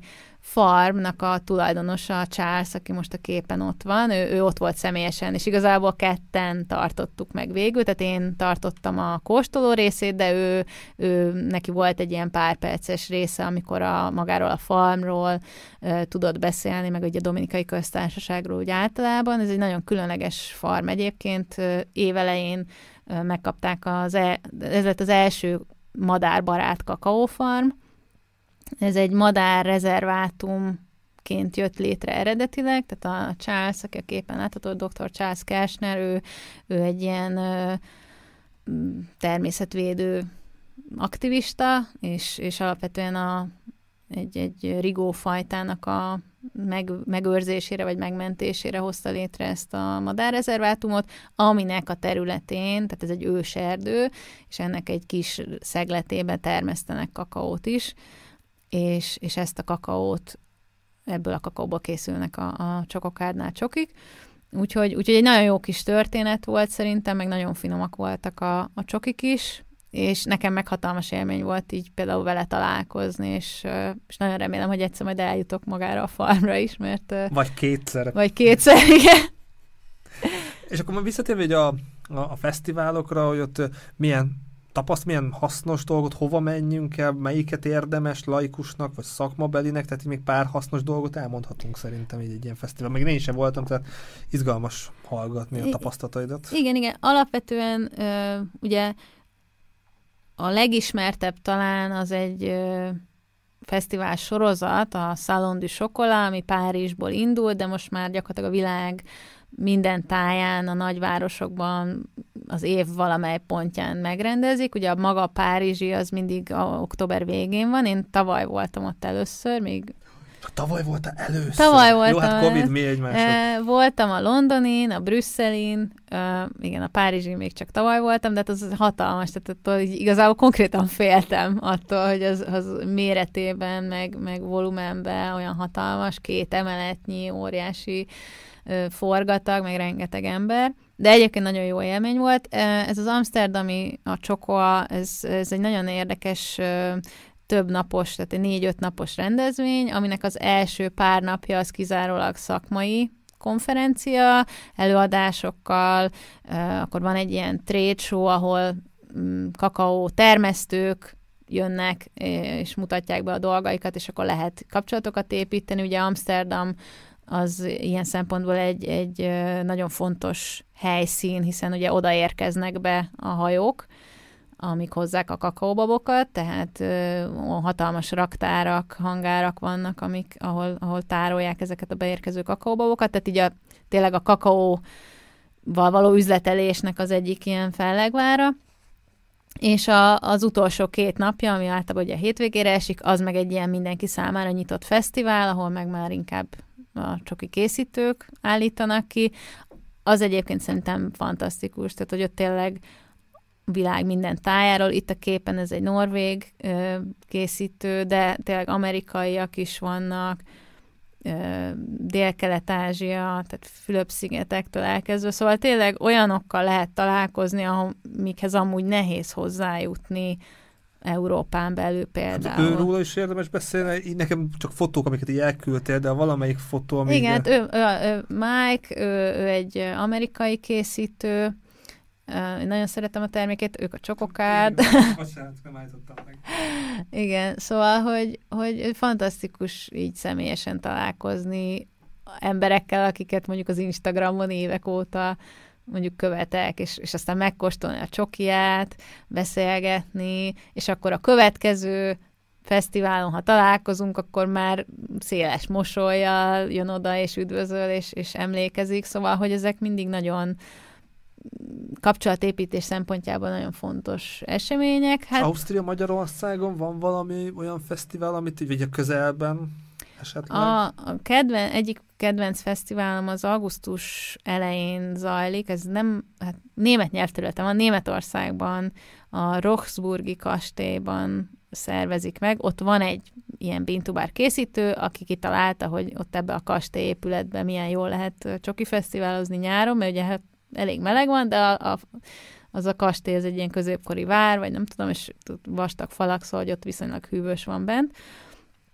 A, a semmi közepén található, nagyon messze van, és nincs a közelében semmi érdekes, de mégis oda is így a világ legmesszebbi pontjáról is jönnek készítők, meg emberek is, akiket érdekel, és, és fantasztikus hangulat szokott lenni. Ez a Eurobin névre hallgat ez a fesztivál. Én ezt én ide most már mindig el fogok menni szerintem, amíg, amíg csak tart, mert, mert nagyon jó élmény, már kétszer voltam. És, és ha valaki arra jár, vagy épp ráér, és, és nem gond neki annyit utazni, akkor, akkor mindenképpen mindenképpen ajánlom, mert egy emberi léptékű, tehát hogy azért ezek a Amsterdam, Párizs, Brüsszel, ezek hatalmasak tényleg, tehát hogy itt, itt nagyon el lehet veszni a, a, a bőség zavarában. Ez a Eurobin azért egy kisebb és sokkal úgymond válogatottabb társaság. Csak mit érdem, hogy érdemes oda, vagy hogy érdemes készülni, vagy így bármilyen praktikus tehát Hűtőtáska, meg sok pénz nyitott, nyitottsággal szerintem, tehát tényleg az, hogy mi, veszthe, mi veszteni valónk van, tehát oda megyünk, ki van téve egy csomó kóstoló, szépen végigmegy az ember, és megkóstolgatja, és esetleg megkérdezi. De, de vagy... mennyit lehet kóstolni? Tehát azt mondja, 5-10 csoki után már az ember így megcsömörlik, de van, ilyen, ilyen nagyon intenzív, nagyon Igen, különleges. hát érdemes sok folyadékot inni, tehát sok vizet inni közben, meg, meg jó fehérje, dús, valami jó, jó nagy ebédet enni előtte, vagy közben, sok zöldséget, salátát, ilyesmiket, és akkor nem üti ki az embert a cukor. Talán ez, ez egy jó tipp, de persze, még én is elfáradok benne, szóval azért limit, hát, Mert neked ez munka, kőkemény. De ez, ez kőkemény munka, igen. Mik vannak, mik vannak itt? És ahogy így készítem az anyagra, vagy meg az adásra, nekem Szántó Tibor neve nem mond semmit, mert nem ebben a körben mozgok, de találkoztál is fel, és az ő neve azért egy fontos és megemlítésre való név. Sajnos már nincs közöttünk, hogy milyen élmény volt vele találkozni, és miért ennyire meghatározó ebben a kultúrában az ő neve. A Szántó Tibort én mindig ö, igyekszem megemlíteni, mert az én utamon neki nagyon meghatározó szerepe volt. Tulajdonképpen Magyarországon ő volt az első, aki ilyen bintubár csokoládét készített, aki behozott külföldi bintubár csokikat, és azzal kóstolókat tartott, meg szerzett néha még friss kakaógyümölcsöt is, nem is tudom, hogy honnan e, tudta megoldani, és, és tulajdonképp nagyon megelőzte a, a korát, tehát ő, amikor ezzel elkezdett foglalkozni, 2000-es évek mm, második fetetén 2007-2008 környékén, akkor még, még nemzetközi szinten is nagyon-nagyon gyerekcipőben járt ez az egész. És manapság kezdjük megérteni, hogy akkor ő már miről beszélt, hogy ő már akkor is erről beszélt, ami most, amit most próbálunk így terjeszteni hogy még így készítők szintjén is, tehát akik most bintubár készítéssel foglalkoznak, nagy, nagyon sokan tőle tanultak, vagy jártak a kóstolóin, és aztán döntötték el, hogy elkezdenek. Most hát, hogy nagyon fiatal volt. Igen, igen, igen, igen, igen. Hmm. Azt hiszem, hogy 40 pár éves volt, azt hiszem, igen. Bocsánat, nem akartam szóval, csak így meglepődtem. Nem, igen, igen. Hát betegség miatt hunyt el sajnos, és az nyilvánvaló volt, hogy egyrészt a saját nevével fémjelzett márkájú csokoládét nem lehet folytatni. Tehát, hogy Szántó Tibor csokoládét nem Szántó Tibor nem készíthet, vagy nem tudom, vagy nem fog tudni soha olyat készíteni. De amikor én egyszer sikerült eljutnom az egyik ilyen alap csoki kóstolójára, az, az hatalmas élmény volt számomra, meg uh, ilyen kisebb kézműves vásárokon még párszor találkoztam vele, és akkor beszélgettünk, meg kóstoltam. Hát én egyébként az ő egyik ilyen totán vamp vásár volt, ahol, ahol először kóstoltam így pörkölt kakaóbabot, amit most hoztam neked. Uh, és nem fogom elfelejteni, hogy az volt az első alkalom, tehát így teljesen így megragadt nekem ez. Meg amikor évekkel később visszaolvastam a jegyzetemet, amit ezen a, mondjuk ezen a kóstolón írtam, és hogy akkor így leírtam dolgokat, amit sehova nem tudtam kötni, nem értettem, és, és egyszerűen így így nem, nem tudom, nem tudtam összekapcsolni.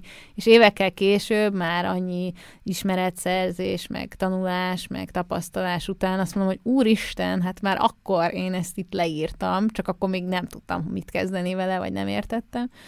Tehát, hogy nagyon-nagyon sokat, még utólag is sokat tanultam tőle.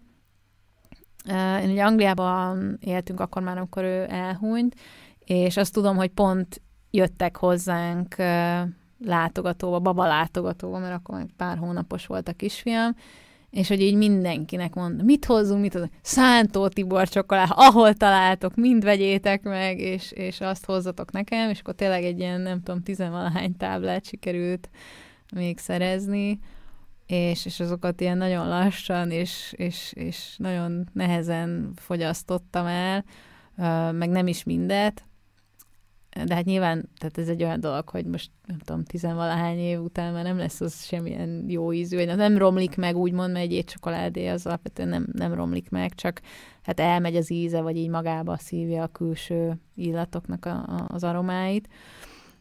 De alapvetően, ami akkor nekem így bekattant, az, az ez, hogy, hogy oké, okay, hogy a csokiát nem lehet továbbvinni, vagy azt nem tudja senki utána csinálni, de azt a fajta edukatív munkát, amit ő folytatott, tehát tényleg ezekkel a kóstolt, kóstoló tulajdonképp tanfolyamok voltak, hiszen tényleg olyan szakmai tudást adott át. Ő egyébként korábban uh, szomelié, tehát bor, borász szomeliéként uh, dolgozott, szóval ő tényleg így az ízek, aromák, a, az ízjegyeknek a, a á, nem tudom, leírásában ő, ő fantasztikus volt, és nagyon nagy tudása volt, meg, meg tapasztalata, hogy ezt ezt a fajta missziót valahogy folytatni, vagy továbbvinni, akkor így ez így megszólított. Mert addigra már alapból azon az úton voltam, hogy, hogy nem készíteni szeretnék, hanem inkább kóstolókat tartani, és, és akkor ezzel meg így kb. megpecsételődött számomra ez, hogy, hogy ezt így úgymond magamra vettem, hogy, hogy akkor, akkor tényleg ez, ezzel kell foglalkoznom, hogy ezt, ez ne halljon így el. De adódik a kérdés, az ő receptúrája még nem tud tovább vezetni. Ha le van írva, nem lehet azt reprodukálni, nem lehet azt úgy folytatni, de lehet ez laikus kérdés, csak így ez meglepő. Hogy... Egyrészt nem írta le, Ja, hát úgy nehéz. Fejből, nagyon sok mindent fejből és érzésre csinált. Tehát egyszerűen a cukrász, aki vele dolgozott évekig, ő mondta, hogy, hogy mondjuk egy fűszeres forró csokinak se volt leírva a receptúrája, hanem emlékezetből rakta össze minden évbe hozzá a, a fűszermixet. És tényleg mindig ugyanolyan ízű lett, de, de nem volt lemérve, hogy mennyi fahéj, meg mennyi nem tudom egyszerűen neki így a fejében Ez a sáde volt. kategória. Vagy...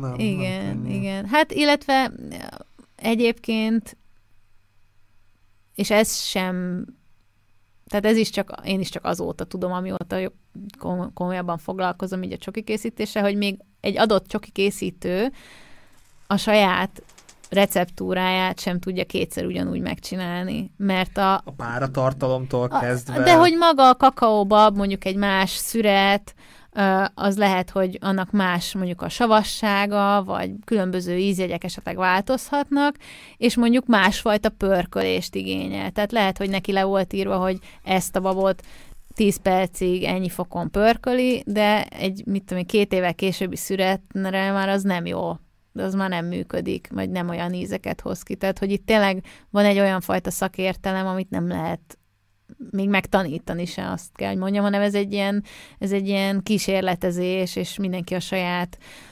személyiségét, saját ízlésvilágát beleviszi abba, hogy milyen csokoládét készít. És ezért ennyire csodálatos szerintem ez a világ, mert, mert ugyanaz, tehát hogy nagyon sokszor van az, hogy ugyanabból, a, tehát hogy tudom, hogy ugyanarról a farmról származó kakaóból készült csokit kóstolok, adott esetben még a százalék is ugyanaz. Tehát mondjuk 70 százalékos étcsoki, mondjuk erről a dominikai farmról, a Zorzál farmról. És mondjuk megkóstolom a csokokárdét, meg megkóstolok egy amerikait, meg megkóstolok egy kanadait, meg egy, egy nem tudom, egy norvégot, és, és, és más egyszerűen más, mert lehet, hogy más a pörkölés, más gépeik vannak, az akkor más milyen ö, szemcséjű lesz a, a csoki, és, és nem tudom, vagy ad hozzá még egy kis kakaóvajat, vagy nem ad hozzá, vagy tehát, hogy annyi változó van benne, de hogy tényleg még ugyanaz a készítő a saját ugyanazt a csokiját sem feltétlenül tudja kétszer ugyanolyanra elkészíteni, szóval, hogy emiatt szerintem emiatt nem lehet. Nem semmi, de valószínűleg sok mindennel így van, de most a csoki a fő témánk, és most a fotót, amit beadok, az most egy hasonló kakaó bab, jó? Nem vagyok, kakaó gyümölcs. Kakaó gyümölcs, itt van, itt van nálam, mert csomó mindent behoztál magad, és akkor beszéljünk erről a kakaó gyümölcsről, hogy ez miért különleges, miért hoztad be magaddal? Uh, ugye én nem jártam még kakaófarmon. Ez még, még, hozzá, még, még, igen, ez a, ez a vakancs listámon most már az első helyen van. De, de például előnye az ilyen csoki fesztiváloknak, hogyha jönnek ö, olyan készítők, vagy akár farmerek ö, termőhelyről, termőországból, akkor ö, nyilván egzotikus faktor, hogy hoznak magukkal a, a kis tandjukat kidekorálandó friss kakaógyümölcsöket, amit hát több-kevesebb szerencsével át tudnak hozni a, a vámon. Én elvileg azt hiszem, hogy tilos, de mindegy, hát ha pont nem nyitják ki, akkor legfeljebb elveszik. Tehát Mi a legrosszabb, ki, amit... az országból, vagy bevinni? Ugye? Ki? Hát tehát hogy, tehát, hogy mondjuk mit tudom én, igen, tehát mondjuk ha valaki Amerikán keresztül repül, mondjuk Dél-Amerikából, akkor ott előfordulhat, hogy ha kinyitják, akkor elveszik tőle, mert elméletileg nem szabad ö, gyümölcsöt szállítani, vagy nem tudom. Így, és ö, és így tettem szert néhány ilyen friss kakaógyümölcsre. Az első, talán ez is, amit behoztam, az még Londonban, Londoni Csoki Fesztiválon. Az a trükk, hogy a végéig ott kell maradni, és ugye amikor már mindjárt vége a fesztiválnak, akkor már pakolásznak, meg minden, és akkor én ilyen kis naívan oda mentem, és megkérdeztem, hogy egyébként mi lesz ezekkel itt, hogy ezt így nem viszik nyilván vissza, és mondja, nem, kidobjuk. És akkor mondta, hát, így nem lehetne elkérni, és akkor, de persze vigyed, és akkor így, így, így lett két-három ilyen, ilyen gyümölcsöm. Amit most látnak a nézők, őról, amit lehet, hát, hogy ha már mutassunk, mert igen. élőképet nem tudok Igen, kiadni. igen, igen. Az, az egy, az az egyik legújabb, vagy legfrissebb volt, ez a, ez a csokoa Amsterdami Fesztiválon szereztem, ez Dominikai köztársaságból. Hát lehet, hogy nem pont az Orzál farmról, de ott egy, egy egész nagy ilyen dominikai stand volt, és onnan ö, kunyeráltam el. Ez elég nagy, tehát ez, ez egy hatalmas ahhoz képest, tehát hogy nagyon sok méret méretű lehet, tehát ennél fele ekkora is volt már nálam, de ez, ez egy egész hatalmas darab, és egyébként így friss állapotában nagyon nehéz is, mert eléggé lédús, vagy vastag így ez a külső Satver héj. kb. mennyi akkor? Egy három kiló, ami ott Nem, van? nem, annyira, ez szerintem egy ilyen má, egy-másfél kiló lehetett. De ugye hát száraz állapotában meg szinte semmi, tehát hogy teljesen. És akkor ezt ugye eldöntöttem, hogy ezt most ezt kinyitom, és akkor erről ugye csináltam egy ilyen videót, ahogy nagy nehezen fel, felszaptam ketté vágtam, hogy megmutassam, hogy milyen a belseje, de, de van kettő otthon, az egyiket, amit elhoztam, ami, amit pedig így egészben megszárítottam, ugye szép lassan egy radiátorra rátéve, forgatva, egy pár hét alatt így szépen megszárad, és akkor nem tudom, hogy ezt megmutathatom-e, hogy így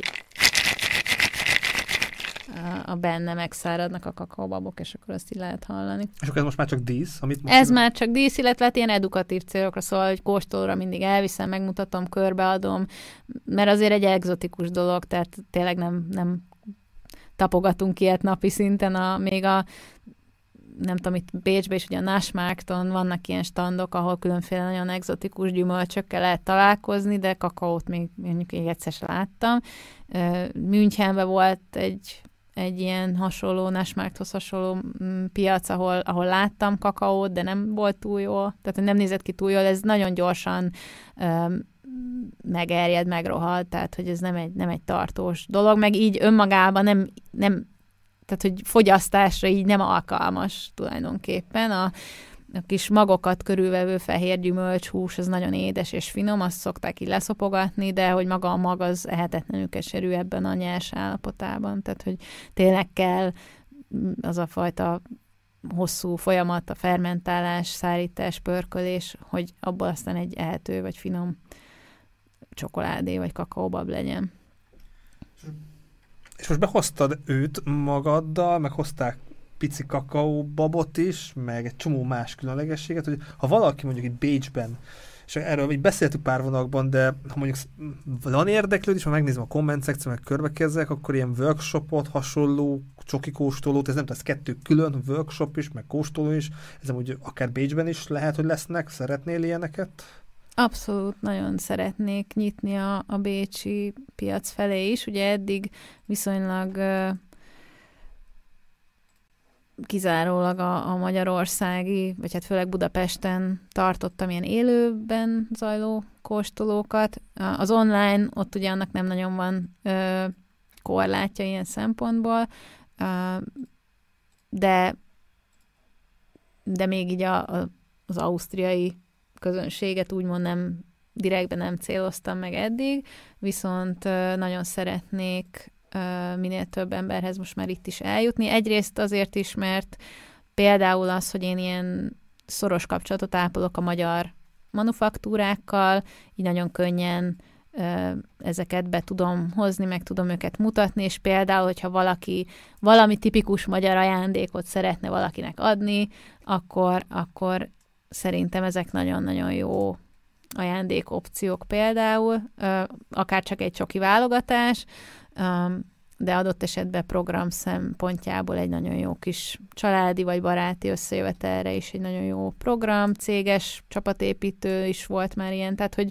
hogy nagyon sok rétűen lehet variálni, nagyon flexibilis az egész, akár az, hogy mennyi ideig tartson, mennyi csoki legyen, milyen fajta csokik, tehát például én nagyon jó, hát be is kell szerezni, hogy kérnek valamilyen rákos csokit. hát azt nem, de hogy nyilván a, tehát a, a választék azért elég hogy széles. Hogy nem Tehát az, az, az, nem tudom, ilyen aranyszintű, így mondod. Az mondjuk pont szerintem nem annyira drága. Van egy uh, ekvadori márka, a Toak, ami, ami ilyen, azt hiszem, hogy 200 ezer forintba kerül egy 50 grammos tábla, de kapható Magyarországon is egyébként. Nem, nem tudom, nem találkoztam még olyan emberrel, aki ezt megvásárolta. Én sem vettem még ilyet. A, a, a, az Amsterdami Fesztiválon meghívtak ott egy kóstolóra, és ott kaptam ilyen ingyen kis mintákat. Annyit, annyit tehát, hogy megkóstoltam. Nem volt ilyen drága, csak itt ilyen a drága aranyat enni. Finom, egyébként nagyon finom volt, és nagyon örülök, hogy elmentem erre a kóstolóra, mert én is azt hittem, hogy ez csak egy ilyen marketing felfújt valami, és közben egy nagyon komoly kutatómunka, meg, meg, meg egy nagyon komoly ö,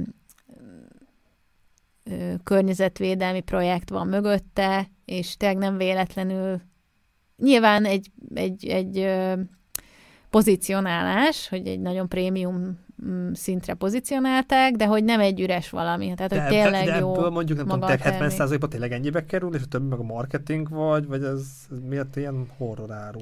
Uh, például uh, kézzel faragott, egyedileg számozott fadobozban uh, adják oda. Tehát, hogy nem csak maga a csoki kerül benne ennyibe, hanem az egész package, az egész branding, tehát, hogy, és vannak egyébként olcsóbb verziói is, tehát, hogy nem több-több szinten be lehet lépni, meg lehet kóstolni, de, de, de az a nagyon-nagyon drága, az tényleg az, hogy ott a doboztól elkezdve van hozzá egy ilyen kis fa csipesz, hogy ne is kézzel fogjuk meg, hanem a csipesszel kell. Szóval, hogy nyilván ennek nem, nem mindenki a, a, a közönsége, de de, de én örülök, hogy, örülök, hogy találkoztam az alapítóval, és hogy, hogy, hogy meg tudtam egy kicsit ismerni a hátterét, hogy, hogy akár, hogy miért hozták ezt a döntést, hogy ezt így fogják pozícionálni például. És mi volt erre a válasz, ez már akkor így érdekel? Hát az, hogy alapvetően a kakaó, mint olyan, az évezredeken keresztül egy, egy szűk réteg számára elérhető dolog volt, tehát ugye mondjuk a különböző ilyen vallási vezetők, tehát ezek mondjuk tényleg így a közép- meg dél-amerikai kultúrák, tehát ugye a maja, azték, inka, stb. kultúrákban um, volt a kakaónak, a kakaó szertartásoknak egy nagyon fontos ö, rész volt az életüknek, és ö, és ez nem volt egy ilyen tömegtermék, és igazándiból a csokoládé az még, mikor Európába bekerült, akkor is a, az udvarokba került be először, meg a, meg a jómódú rétegek tudtak hozzáférni, és az ipari forradalom tette lehetővé, hogy ez tömeggyártásba elkezdjen terjedni, ami sajnos ugye a minőségromlással jár, tehát hogy tömeges mennyiségben elkezdték gyártani, de az csak úgy lehetett, hogyha ha egyre silányabb minőségű, meg egyre olcsóbb alapanyagokból hozták létre, és igazából ez a, a csoki, a, amit így ismerünk, az az utóbbi 150-200 éve van ilyen formában, és egészen addig meg évezredekig egy, egy sokkal magasabb szintű dolog volt, és, és, és nagyobb tisztelet övezte, vagy nem tudom, és ezt próbálják meg egy kicsit visszahozni, illetve ez tényleg egy nagyon ritka helyi um, fajtának a, ami um, egy egy helyi ilyen gomba vagy vírus miatt kihaltak ezek a fák, és ők találtak még kilenc ilyen fát, és ezeket kezdték el újra termeszteni, és ez egy nagyon csak ott létező fajtának a, a leszármazottja, és emiatt is ennyire ritka és különlegesek maguk a kakaó, kakaóbabok, amikből ez a csoki készült. Tehát, hogy sokrétű a, a történet, de, de tudtál már de, ilyen különleges de, csokit de, kóstolni. De kóstoltam ezt, és tényleg tehát nagyon-nagyon finom volt. Nem, nem mondanám, hogy most nem tudom, életem legjobb csokia, vagy hogy nem ettem már olyat, ami nagyobb wow volt nekem, de hogy örülök, hogy így az egész történettel együtt már egy sokkal komplexebb dolog az egész, meg, meg amúgy tényleg finom volt, tehát hogy rossznak nem mondanám semmiképpen. És ugye a műsor végez között, vagy beszéltünk, hogy akkor majd a podcast ma kimegy az utolsó, a nyári szünet előtt, és akkor majd ősszel folytatódik. folytatódik Ilyen workshopok, egyeztetünk, hogy akár összehozhatjuk kicsit így a utazás, kávéültetvények, meglátjuk, hogy mekkora Kakaó. Ér... Ja, bocsánat, tényleg. Nem Amúgy ká... nagyon sok hasonlóság van a kakaó meg a kávé között is ilyen szempontból. Hát tudod, ez egy reflektor, ültetvény, kakaó ültetvény, vagy ez jött így a számra, nem is a, kak, a kávé, kávé igen. hanem a... hanem... De vannak országok, ahol ugye mind a kettő is van, és az hát is a páratartam körülmények, földminőség és Abszolút, társait. igen. És még van még valami, amit itt tervezel idén, jövőre, világmegváltó tervek, bármi, amit Persze, szeretnél? a világmegváltás, igen, az az első a listán. A kakaó nagykövet. Uh, igen, hát ugye, ahogy mondtam is, hogy szeretnék nagyon nyitni így az osztrák piac felé, meg úgy általában az európai nemzetközi piac felé. Egyrészt a kóstolókkal, tehát hogy nagyon szívesen tartanék magyarul, illetve angolul is tudok tartani csoki kóstolókat, a workshopot mondod, igazából ez inkább a kóstoló, tehát hogy, hogy de lehet workshopnak is hívni, végül is a kulpa vannak igazi, igazi. tevékenység, de hogy nem csinálunk bombont meg ilyeneket, tehát abból már kiszálltam. Um, biztos vannak, akiknél azt is lehet gyakorolni, vagy tanulni, tehát arra akkor tudok uh, esetleg tippet adni, hogy hova érdemes menni, hogyha valaki bombont akar készíteni. Nálam ugye kóstolni lehet, meg megismerni ezeket a különböző márkákat, csokikat, új ízeket, ízvilágokat, ilyesmik. És a másik az meg az, hogy ugye még tavasszal indult kicsit ilyen 1.0-ás verzióban egy, egy webshop, amiben gyakorlatilag egész Európán belül tudok szállítani, és jelenleg főleg a magyar manufaktúrák termékei vannak, egy-két külföldi termék, és ezt szeretném ősztől, ez most nyári szüneten van szintén, mert a, a melegben nem, nem szívesen szállítok sehova csokit, mert azt nem akarnám, hogy bárkinek az olvasztott dolog érkezzen meg, és viszont ez ősszel újra fog indulni, és reményeim szerint egy bővített kínálattal, tehát több külföldi márka, illetve egyes márkáktól többféle termék, és a másik ehhez kapcsolódó mm, termékfejlesztés vagy, vagy gondolat, az pedig egy ilyen úgymond csoki előfizetés, ami azt jelenti, hogy havonta egy általam összeválogatott csoki válogatás. Hát olyasmi, amit mondjuk hoztam neked, hogy néhány tábla, esetleg drazsék,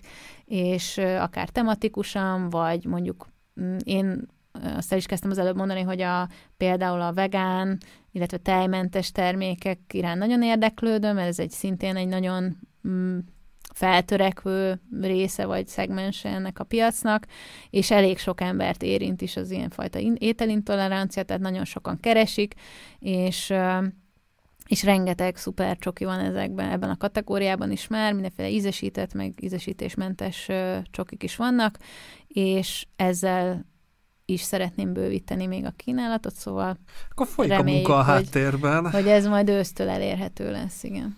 Szóval kitartást kívánok meg azért pihenést is a nyára, meg akkor hajrá a ma esti podcasthez. Pontosan elmondod még egyszer, mikor és hol látható, hallható? A, a Kakao Nagykövet Facebook oldalamon fogjuk kezdeni.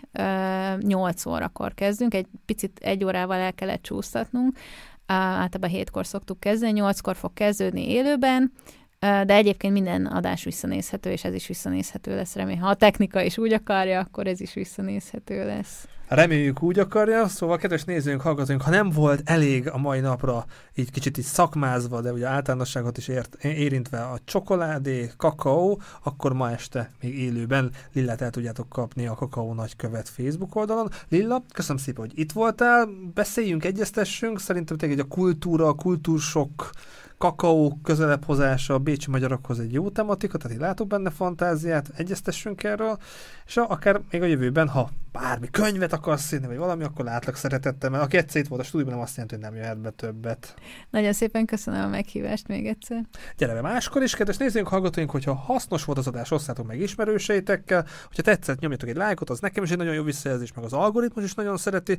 Hogyha van bármiféle kérdésetek ezzel a témával kapcsolatban, írjátok meg kommentbe, és akkor majd továbbítom a kérdést Lillának, vagy írhattok Lillának is a Facebook oldalán, és tartsatok velünk legközelebb is. Köszönöm szépen a figyelmet, vigyázzatok magatokra, sziasztok!